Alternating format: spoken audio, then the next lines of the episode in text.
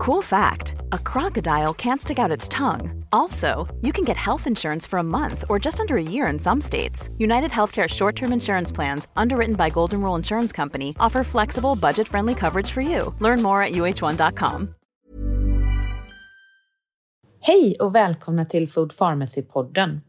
Idag ska jag, Lina Närtby, träffa Johanna Gilbro och tala sanningar och myter inom hudvård. Johanna Gilbro har doktorerat inom experimentell och klinisk dermatologi och är en av Sveriges ledande hudexperter. Johanna har haft roller som forskningsledare inom anti-age-behandlingar, hudens barriärfunktion och hyperpigmentering. Hon har också skrivit den bästsäljande boken Hudbibeln och tagit ett antal patent på flera innovativa och nya ingredienser för hudvård. Ja, Apropå hudvård så är Johanna också grundare till det revolutionerande hudvårdsmärket Skinnom.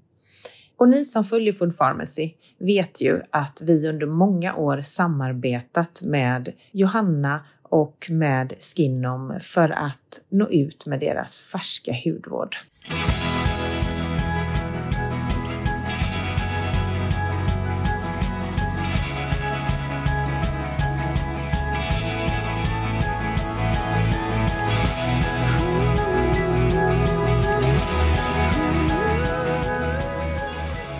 Välkommen till Food Pharmacy-podden, Johanna Gillbro.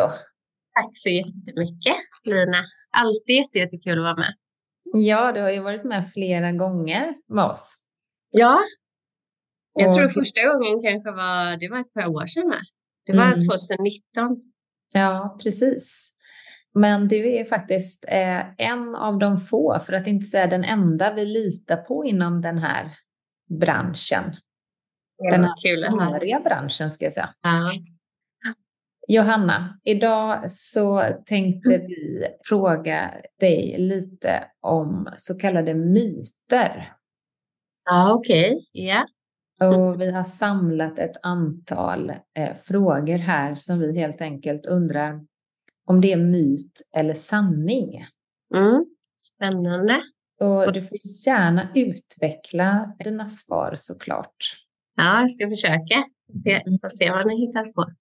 Vi måste ju börja med mirakelingredienser eller story ingredients som det kallas. Funkar verkligen snigelslem och diamantpulver?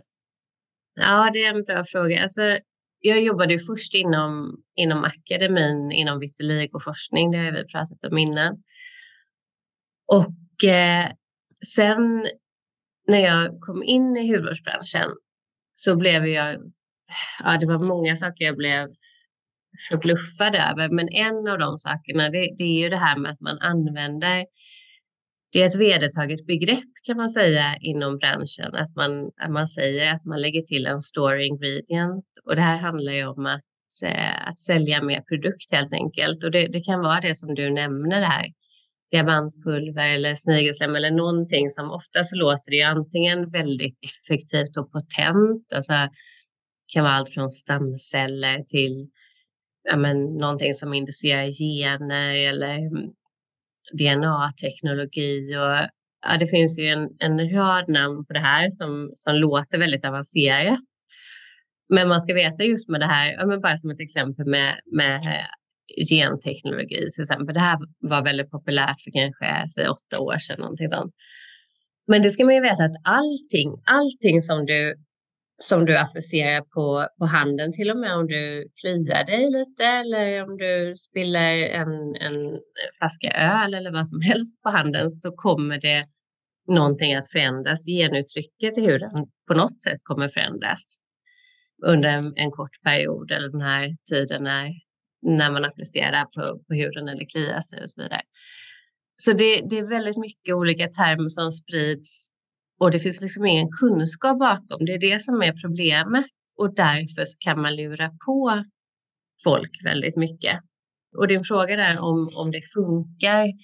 Alltså diamantpulver funkar inte som, som en, en långsiktig anti-aging teknologi och sådär som det marknadsför, utan diamantpulver är ju precis som ett smink, det kan absolut ge lite lyster. Men då finns det ju mycket billigare och mer etiska alternativ att använda, mm, till exempel syntetisk mika eller någon, någonting som ger det här glittret. Och det används ju i alla typer av puder och smink och sådär. Men att det skulle ha någon, någon hudvårdsrelaterad effekt, det har det absolut inte. Det, det finns en studie på det här med diamantpulver och där har man bara bekräftat att applicerar man, man har gjort det på små hudbitar liksom, som man odlar upp då i, i flaskor. Och när man applicerar det här diamantpulvret då ser man att det är säkert. Att det inte inducerar någon toxicitet i de här hudbitarna eller det blir ingen inflammation. Så det är säkert att använda men det ger ingen annan effekt. Mm -hmm.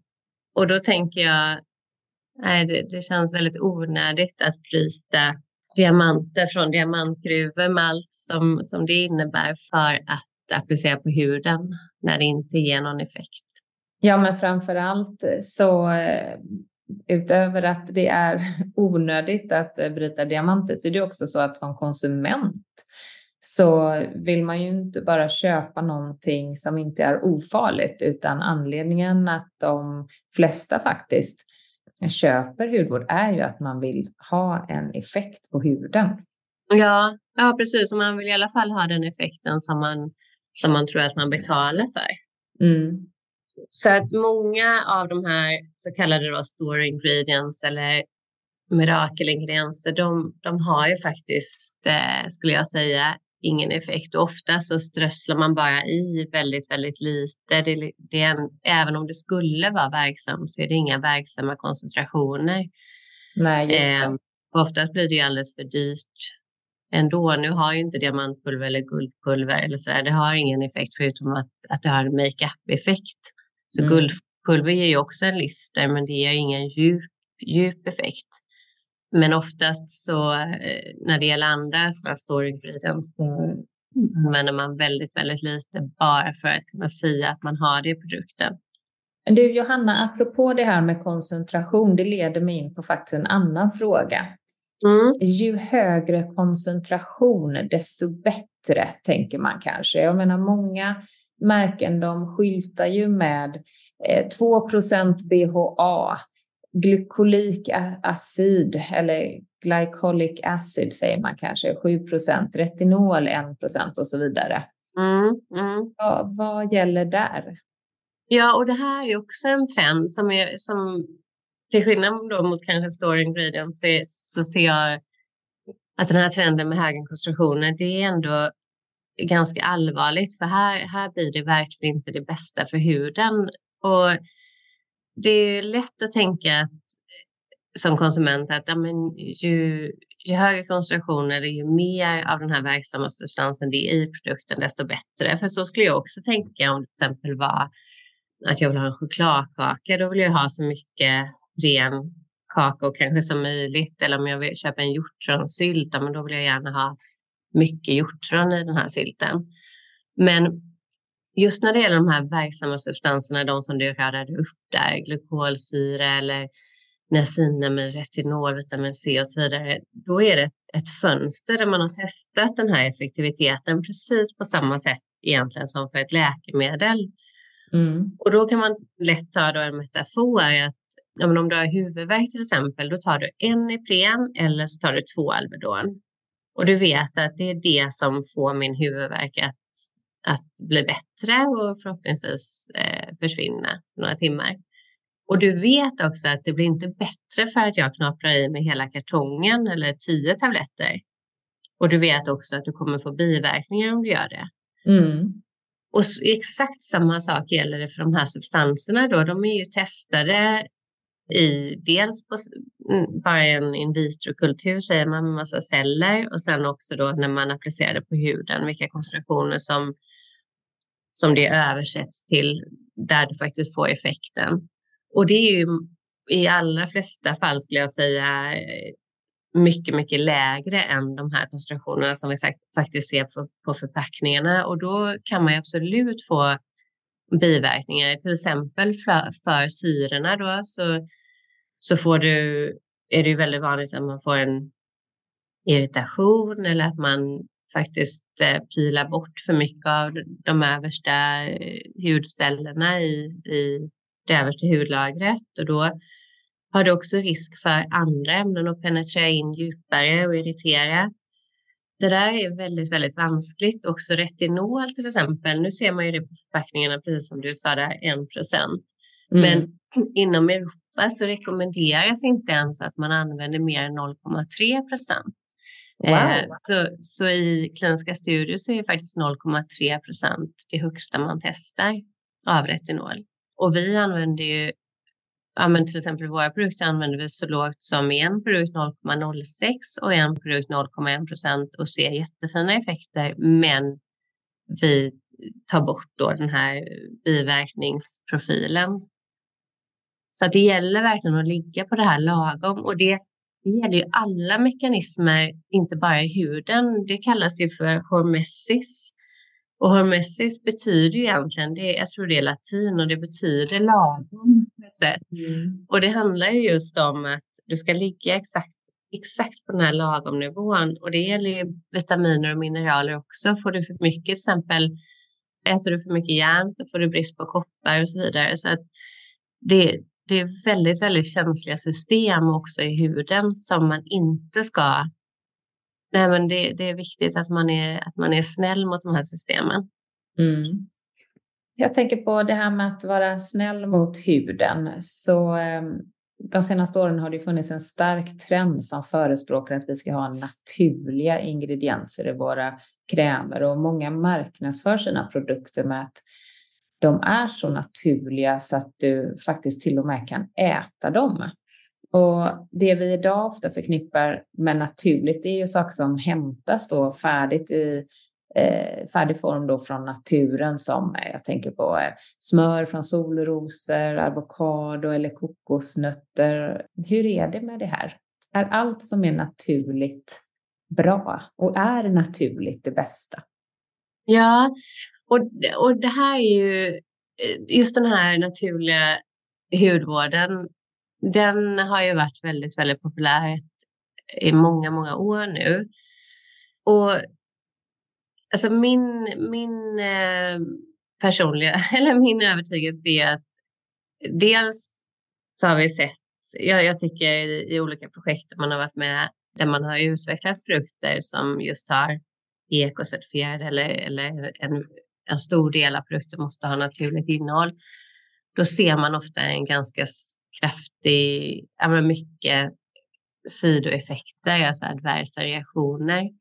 Mm. Och, och det beror ju på att allt som är från naturen är ju inte bra för, för huden. Det finns väldigt, väldigt många olika ämnen som kan irritera huden och bara för att det är naturligt så är det inte så är det absolut inte säkert. Man, man kan tänker på till exempel läkemedelsutveckling. De allra flesta av de här riktigt kraftfulla eh, cancerläkemedlen till exempel kommer ju från naturen från, från början. Som till exempel ett bröstcancerläkemedel som, som heter Taxol. Det utvanns från, från början från en, en typ enebuske. Mm.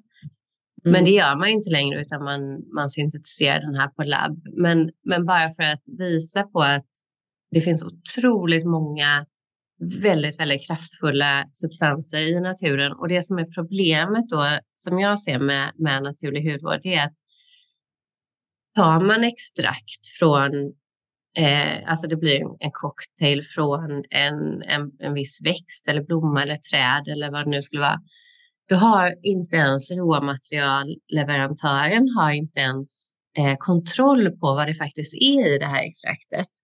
Så um, ofta i de här extrakten som, som man köper och som företag så finns det flera tusen olika molekyler och ingen har kontroll över de här molekylerna, vad det, vad det faktiskt, vad hela extraktet faktiskt innehåller. Så att det blir väldigt okontrollerat och då kan man reagera på, på de här ämnena. Eh, och det ska man också komma ihåg att naturlig hudvård är ju också konserverat och av någon konstig anledning så har man då valt vissa konserveringsmedel som får användas just i ekocertifierad hudvård till exempel. Men de här kommer också ofta med en, en ganska stark biverkningsprofil, just de som man använder där, till exempel sodiumbenzoat eller potassiumsorbat och sådär. Så att jag är själv ingen, eh, ingen fan av den här naturliga hudvården. För mig så handlar det också om att, att det är lätt att bygga en story för att man har den associationen att det, det som är naturligt är, är snällt och milt för huden. Mm. Men, men så, så är det absolut inte. Sen finns det ju många ämnen från naturen som kan ha bra effekt. Jag menar, niacinamid, vitamin B3, det kommer ju från ris. Det är också naturligt. Men precis som man gör för läkemedel så börjar man ju nu syntetisera de här substanserna så att man bara får ut själva substansen och kan lägga in den i hudvården.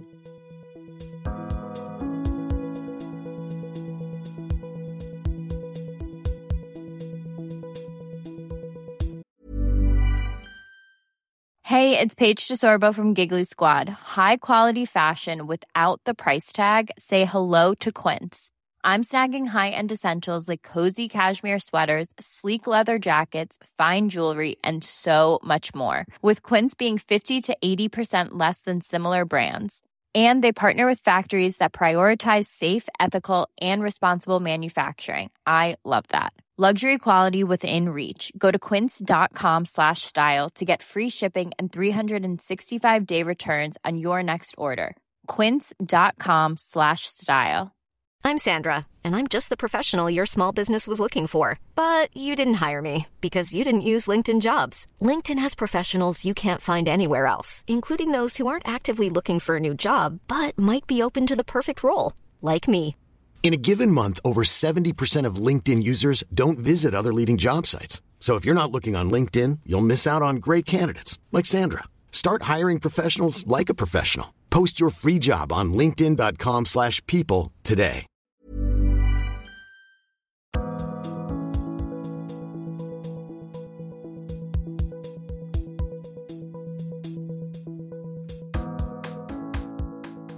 Döda hudceller måste ju såklart tas bort. Eller hur är det med det? Jag menar, vad är egentligen en död hudcell, Johanna?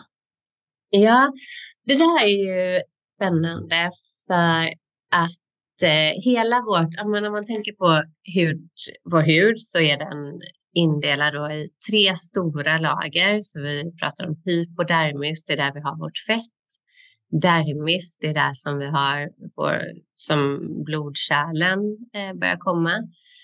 Och där vi också får, liksom, får näring till hela huden via de här blodkärlen. Och sen har vi epidermis där vi dels har massa immunceller och sen är det alla de här cellerna som faktiskt bygger upp det översta hudlagret. Och det är där också vi har vår pigmentbildning. Och i själva epidermis då har vi ett lager längst högst, högst upp där det finns någonting då som vi kallar stratum corneum och de här döda hudcellerna då som man säger, de heter också koniocyter. Och de absolut, de är döda på ett sätt för att de eh, saknar cellkärna. Men de uttrycker fortfarande proteiner som skydd, alltså som eh, proteiner som eh, är involverade i barriärfunktion och menar, andra funktioner. Så att de har en väldigt, väldigt viktig funktion och de är, de är ju verkligen där för att, för, för att vara där. Sen tar det 28, ungefär 28 dagar och sen så faller de av naturligt. Men de har ju absolut en väldigt, väldigt viktig funktion. Dels för att de hjälper till att eh, hålla vattnet, alltså fukten inne i huden så att vi inte mm. avdunstar för mycket fukt. Så att vi får en mjuk återfuktad hud. Och sen så skyddar de ju också från andra substanser att komma in i huden. Just det, så att bara för att de är döda så det är ju lätt att, att död blir synonymt med dåligt, men det ska ja. man inte ta för givet. Nej, nej exakt. Och jag skulle gärna, ja, jag skulle jättegärna byta namn på den här cellen för att det, det, jag tycker det är en felbenämning att det är en, att, att en, det är en död cell den har en jätteviktig funktion. Den, den saknar cellkärna men, men den har en väldigt, väldigt viktig funktion. Mm. Rengöring då?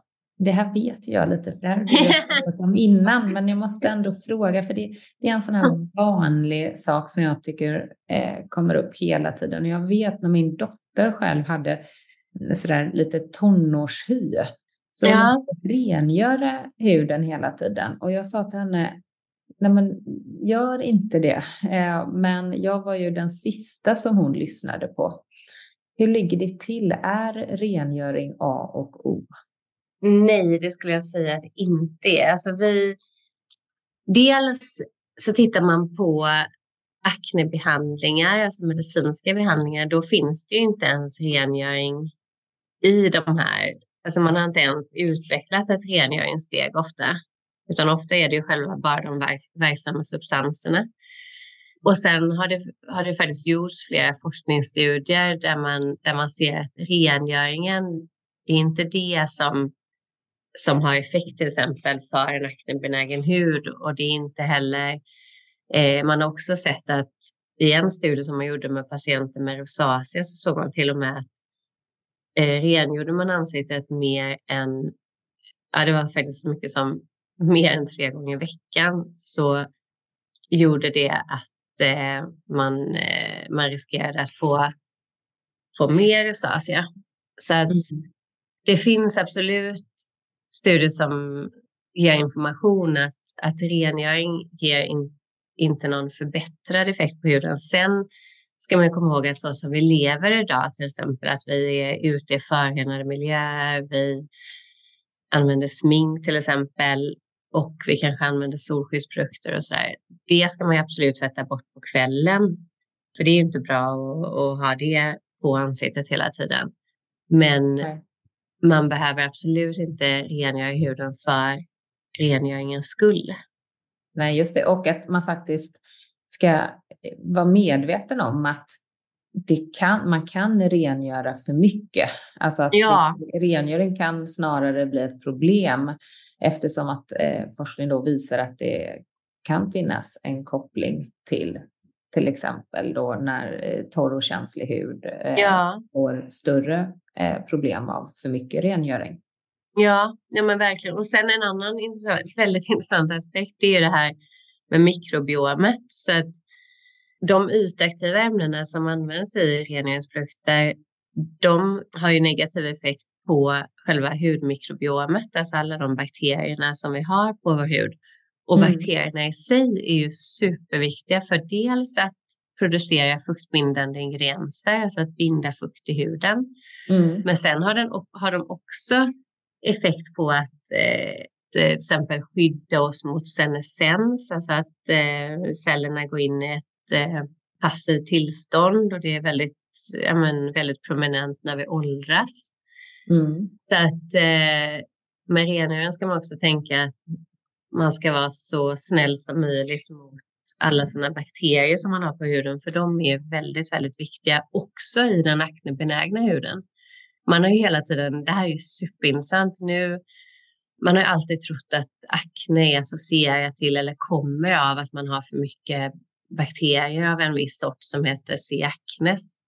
Mm. Men, eh, men nu har man sett att den är, dels har alla lika mycket av den, så aknepatienter har inte mer av den. Och den är jätteviktig för till exempel att minska den oxidativa stressen i huden och sådär. Så att, att just den aknebenägna huden behöver rengöras mer på grund av att det finns bakterier där, det, det skulle jag säga att det inte finns något vetenskapligt stöd för längre.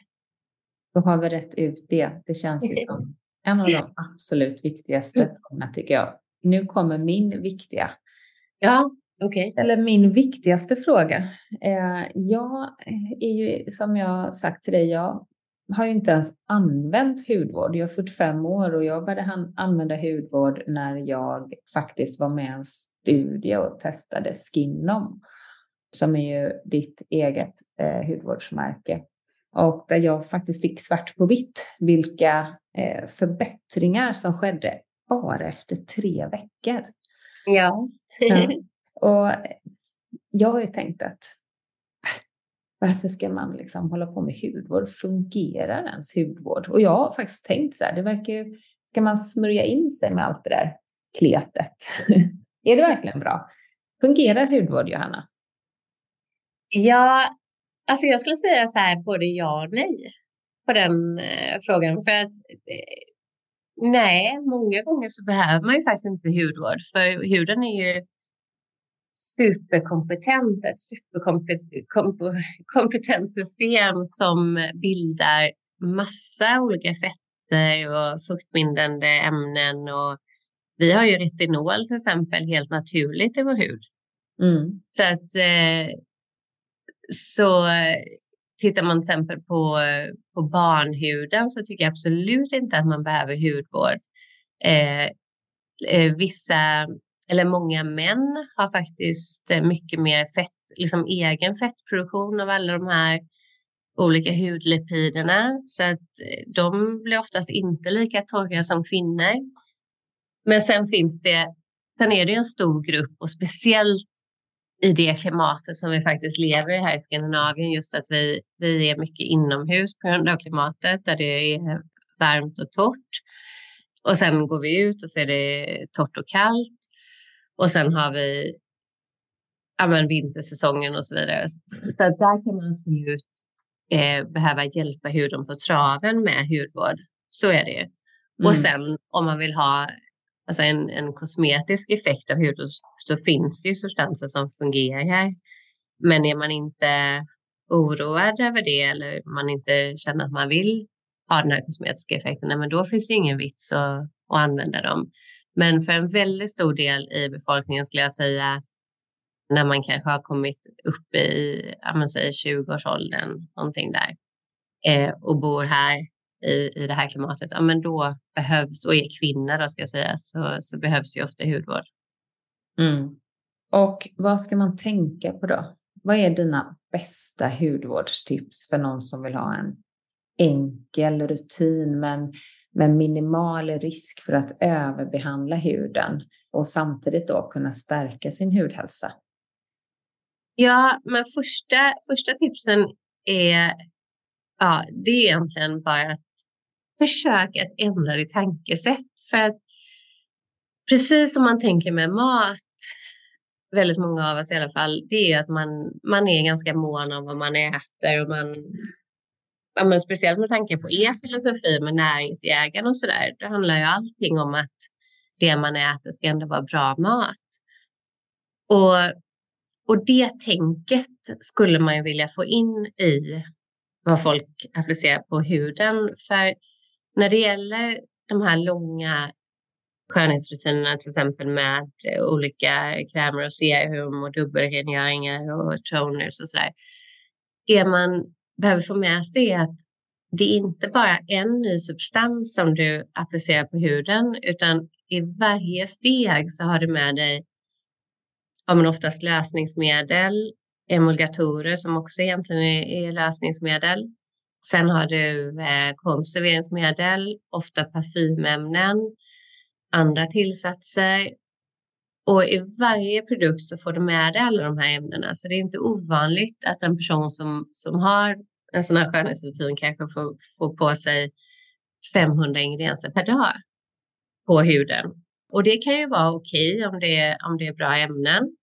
Men det som bara är där för produkten för att den ska hålla länge och se fräsch ut under de här minst tre åren som hudvård ska, ska vara hållbar, så är oftast inte de ämnena varken bra för huden eller de har en, kan ha en irritationspotential och de kan också störa vår hudflora som vi har förstått är så otroligt viktig för huden. Mm. Och använder man då till, i tillägg till det använder man då syror också i sina produkter som slipar bort eller om man rengör för mycket och, och slipar bort just den här viktiga då. Jag säger inte ens döda hudcellen utan jag säger konjusyten. Då har du ännu större penetrationsrisk av de här 500 ingredienserna att komma in och irritera huden. Så jag skulle säga att första tipset är verkligen tänk på precis som du gör med det som kommer i kontakt med, med magen. Att vara, försöka att tänka på samma sätt när det gäller huden och vara varsam mot, på vad du applicerar på huden. För det där är faktiskt viktigt. Mm. Och sen mitt andra tips, det har vi pratat om, rengör bara på kvällen. På morgonen så, så behöver man absolut inte rengöra huden. Utan det räcker, vill man ja, men vaska ansiktet med lite ljummet vatten så, så går det absolut bra. Men, men just att använda rengöringsprodukter på morgonen skulle jag säga behövs inte. Och många gånger är det det rådet som, som folk kommer tillbaka med och säger att, eh, att det har gjort väldigt stor skillnad på huden. Mm. Just för att man istället då använder sina egna, att man, att man har kvar de här fina fetterna som, som huden producerar. Och det ska man ju komma ihåg att det är varje sjukvårdsbolags dröm egentligen att komma på den här exakta kompositionen, precis vad det är för koncentrationer av de här ämnena som vi faktiskt har i huden. Så att, det kan man ju förstå. Ja. Det kan man tjäna mycket pengar på. Ja. Så behåll det som, som du har. Det skulle jag säga är ett, ett, ett råd. Mm. Och sen det här med, med solskydd också. Solskydd är jätteviktigt. Alltså tittar man på två saker som gör visuellt som, som, eh, gör, som ger bäst resultat när det gäller hudvård. Och där finns det ganska mycket studier. Då är det ett, en fuktkräm.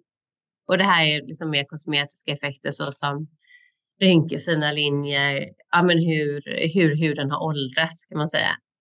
Och mm. där så är fuktkräm den absolut viktigaste produkten. För där har man sett att återfuktar man huden ordentligt då får man inte de här fina linjerna så snabbt som sedan utvecklas då till rynkor. Mm. Nummer två är absolut solskydd, men det är viktigt när det är sol. Men det har ingen effekt och snarare kanske negativ effekt faktiskt många gånger på grund av de UV-filter som, som man har i. Men det är väldigt, väldigt viktigt när det är sol och då, då finns det sådana här mm, riktlinjer att när UV-index är under två, då ger det ingen stor påverkan på huden. Och tittar man i, i här i Stockholm till exempel i november så ligger UV-index på runt noll. Men ser man under året då när UV-index ligger över två, då är det från ungefär mars till eh, slutet på september och då ska man använda solskydd. Men, Även när det är skugga, eller hur? Ja, precis. För då, och det där är intressant för det är betydligt mycket viktigare att använda solskydd i skuggan på sommaren till exempel eller under den här perioden då, än att använda solskydd på vintern. Det är som natt och dag. Alltså i mm. skuggan så kanske i skuggan i juli så kanske du har UV-index på ändå säg 5, 6, 6 kanske. Mm. Medan då i november så ligger det på noll. Det är stor skillnad. Ja, det är väldigt stor skillnad. Och sen så skulle jag säga ett annat tips det är ju att eh, använda hudvård med hudegna ingredienser, alltså det som, som jag pratat om som, som huden producerar på egen hand och inte det som nödvändigtvis finns i naturen då. Då är det ju det som man kan hålla koll på då, det är ja, men, oljor som, eller lipider då, som ceramider, kolesterol till exempel, valan finns också i huden och olika fuktbindande ämnen som olika sockerarter och salter och sådär. Så att det finns många jag, jag har skrivit om det i boken så man kan, det finns listor där på de här hudegna ingredienserna. Men det där, oftast så, så ger det väldigt fina resultat just för att det finns ingenting som huden reagerar på. Nej. Om man inte bombar på med som till exempel retinol då, med en väldigt hög koncentration eller som många gånger finns det att man har en modifierad retinolmolekyl som, som huden kan re reagera på. Men med retinol i sig själv, det är ju hudäget. Det är någonting som huden är van vid. Mm. Så det är ett tips. Sen ett annat tips det är att eh, behandla huden precis som vilket annat organ som helst. Jag har hört eh, många gånger så här, ja, men hud, hud, speciella hudtillskott eller hud, ja, hudkost och sånt där. Men, men huden, precis som vilket annat organ som helst, så mår den ju bra av som vår kropp mår bra, mår bra av. Och då är det ju medelhavskosten som har visat eh, ge, ger bäst effekt på huden. Eh, mycket grönsaker, det ska man komma ihåg att, att det vi äter, det som huden behöver tar den ju upp via tarmen som till exempel allt zink som vi äter. Eh, 6% av all zink kommer någon, någon, någonstans ut i huden och är väldigt viktigt för olika enzymer i huden. Så att eh, huden mår bra av att, att eh, minska psykisk stress till exempel, att äta bra, att sova bra, att eh, vara med nära och kära, ta kroppskontakt och så vidare. Så att eh, det skulle jag säga är ett av mina stora tips. Tack så jättemycket Johanna för att du eh, kom till Food Pharmacy-podden idag och delade med dig av din fantastiska kunskap och eh, av dina bästa tips också. Ja, men tack snälla för att jag fick prata med dig. Du har lyssnat på Food Pharmacy-podden med Lina Närtby och Mia Klase. Det här avsnittet är redigerat av Filippa Markaj och jag, Sebastian Ring, står för musik. Vill du ha mer av oss på Food Pharmacy så finns vi på foodpharmacy.se och på Instagram under namnet food underscore pharmacy. Tack för den här gången, hej!